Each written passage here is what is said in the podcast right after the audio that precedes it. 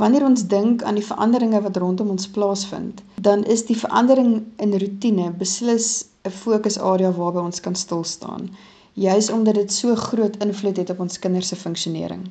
En ek kan my voorstel dat die verandering in rotine by huishoudings redelike baie druk en spanning by ouers veroorsaak. En alhoewel ons nie hierdie druk en spanning net als kan wegneem nie, wil ons kyk om sekere rotines in te bou sodat dit die druk en spanning van ouers kan verminder en verlig.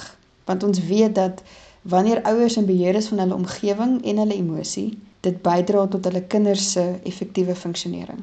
Ons word gevra om in 'n ongewone tyd steeds gewone take te verrig. En kinders is gewoond daaraan om hulle gewone skooltake te voltooi en te verrig binne 'n bekende struktuur van 'n skoolroetine. Hulle is gewoond daaraan om op 'n sekere tyd afgelaai te word by die skool en kontak te hê met hulle maatjies en aan te tree wanneer die klok lui en dan akademiese werk te voltooi volgens die roetine van 'n klas en skoolomgewing. Nou word hulle gevra om dieselfde skoolwerk te doen, maar in 'n totaal verskillende omgewing. Nou skielik is daar troeteldiere op die agtergrond. Um of 'n TV en 'n Xbox wat hulle aandag kan aftrek. Of dalk is daar ouers wat hulle eie werk het om te voltooi en nie noodwendig dadelik die nodige hulp kan gee nie. Of selfs ouers wie se eie angs lei tot oorgretigheid en oordrewe druk op kinders wanneer skoolwerk voltooi moet word. So wanneer ons praat oor die aanpassing van rotine, is dit nodig dat ons begin by begrip vir ons kinders Routine is baie belangrik en dit ondersteun beslis ons kinders se funksionering.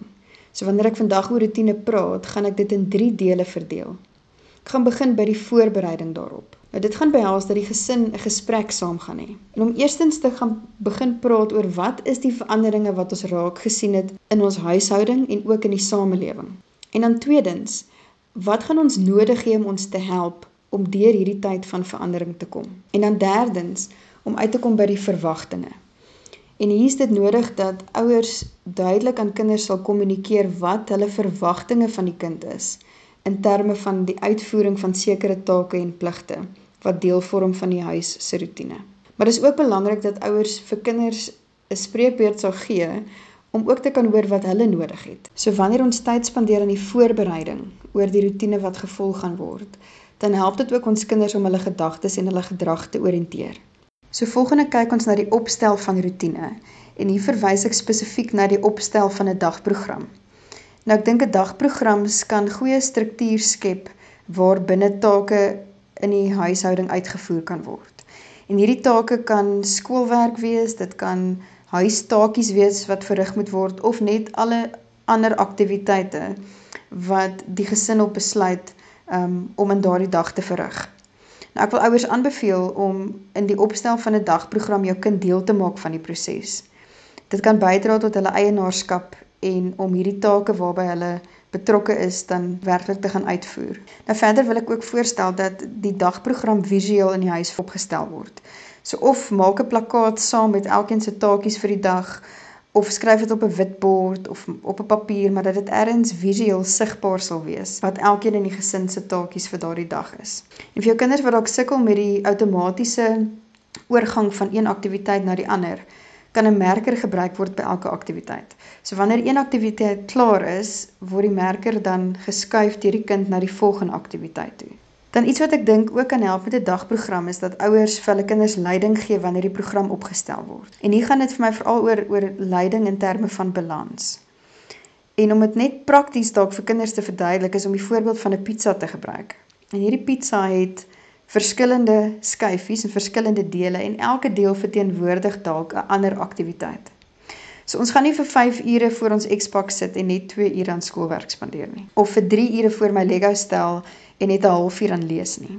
Sodat kinders kan verstaan dat hierdie aktiwiteite in 'n sekere balans uitgevoer moet word. Nou alhoewel skoolwerk meer tyd gaan vereis, kan balans ook daartoe gepas word in terme van die hoeveelheid tyd wat per vak of per leerarea toegepas word en gebruik word. So 'n dagprogram het ook nie nodig om rigied te wees nie. En ek wil vir ouers voorstel om in hierdie tyd mooi te gaan sit en dink vir wat jou gesin nodig het en om 'n dagprogram op te stel wat daai behoeftes kan dien en nie noodwendig te doen wat jou vriendin of enigiemand anders vir jou in hierdie tyd voorstel om te doen nie. So 'n dagprogram kan klomp verskillende aktiwiteite behels en ek gaan sommer hier 'n paar noem wat ouers moontlik kan oorweeg.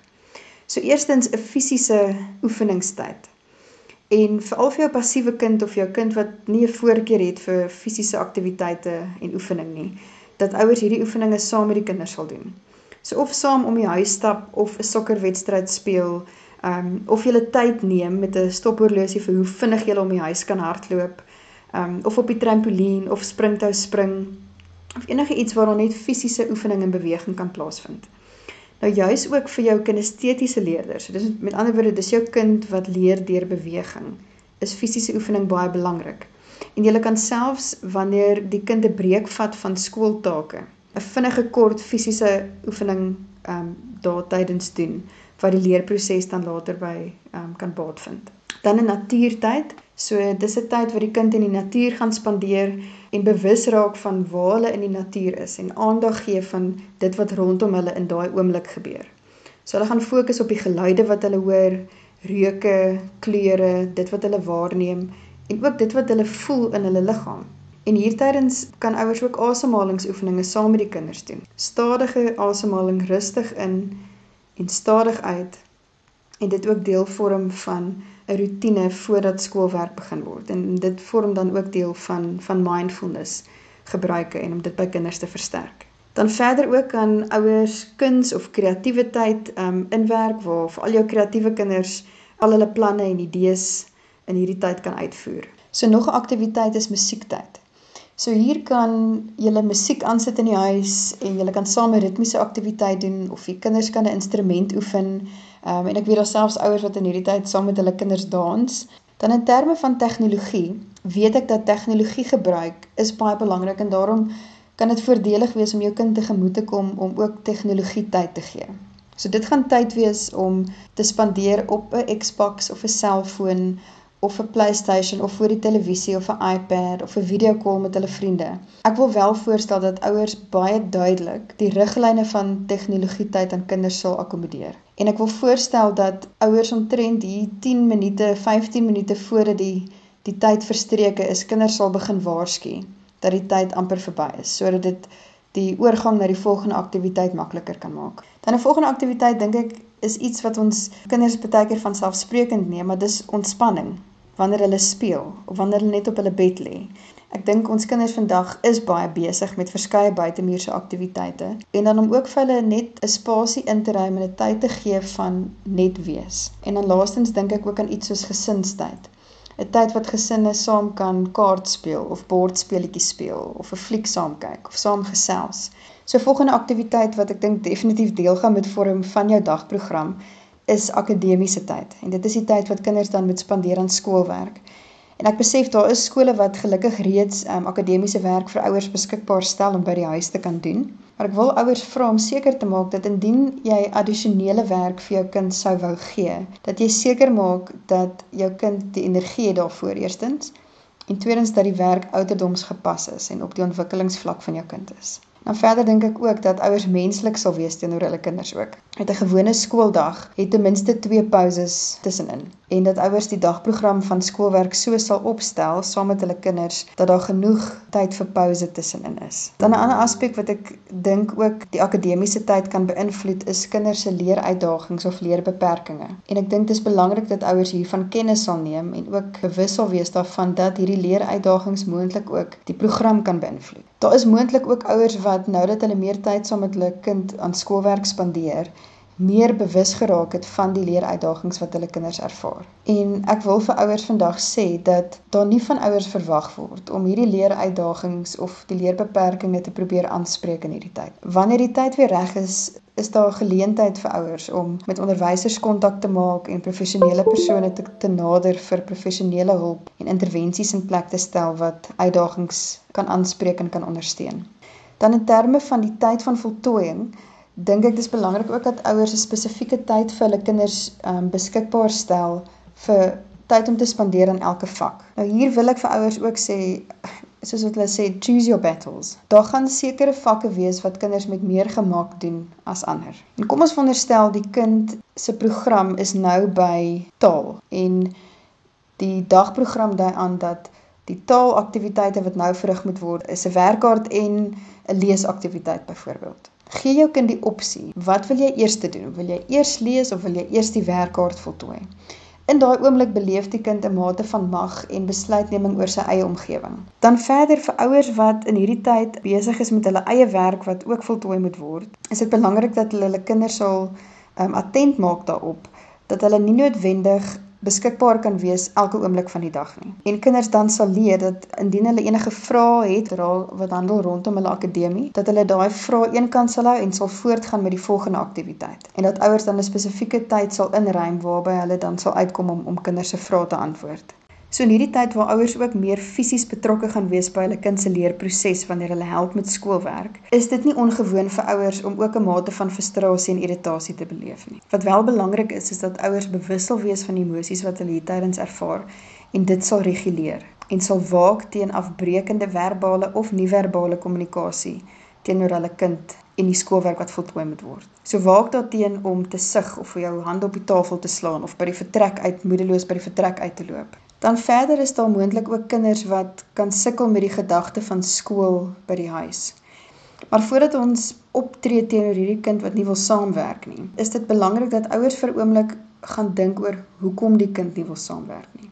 Dalk is die skooltake wat gegee word vir hom te lank of dalk is die inhoud van die werk te moeilik. Dalk dalk is dit behels dit vaardighede waar hy nog nie beskik nie. Dalk is sy motivering beperk en dalk dat ouers gaan kyk na omgewing van gesprekvoering met hulle kinders in kontak te kom oor hoekom wil ek nie hierdie spesifieke taak doen nie. Maar terselfdertyd die kind te begelei in gesprek oor wat gaan my kan help om die volgende taak te doen. So vir jou kinders wat in hierdie tyd moontlik beperkte motivering mag beleef, is iets soos 'n beloningskaart dalk um, nuttig om te gebruik en jou beloningskaart kan aangepas word volgens die kind se behoeftes. So byvoorbeeld vir 'n kind wat net 'n bietjie motivering nodig het, kan 'n plakker aan die einde van elke dag toegeken word nadat al die take voltooi was. Of jou kind wat baie motivering nodig het, kan die plakker toegeken word na elke kort aktiwiteitjie wat in die dag voltooi was. So om jy af te sluit, struktuur en rotine skep by kinders geborgenheid en veiligheid. En alhoewel die tyd van inperking ongewone omstandighede is, wat die wegdoen van rotine eintlik maar vergemaklik, is dit tot huishouding se voordeel om rotine in plek te hou. En om seker te maak dat hierdie rotine um gehou word omdat dit die terugkeer skool toe vir kinders kan vergemaklik.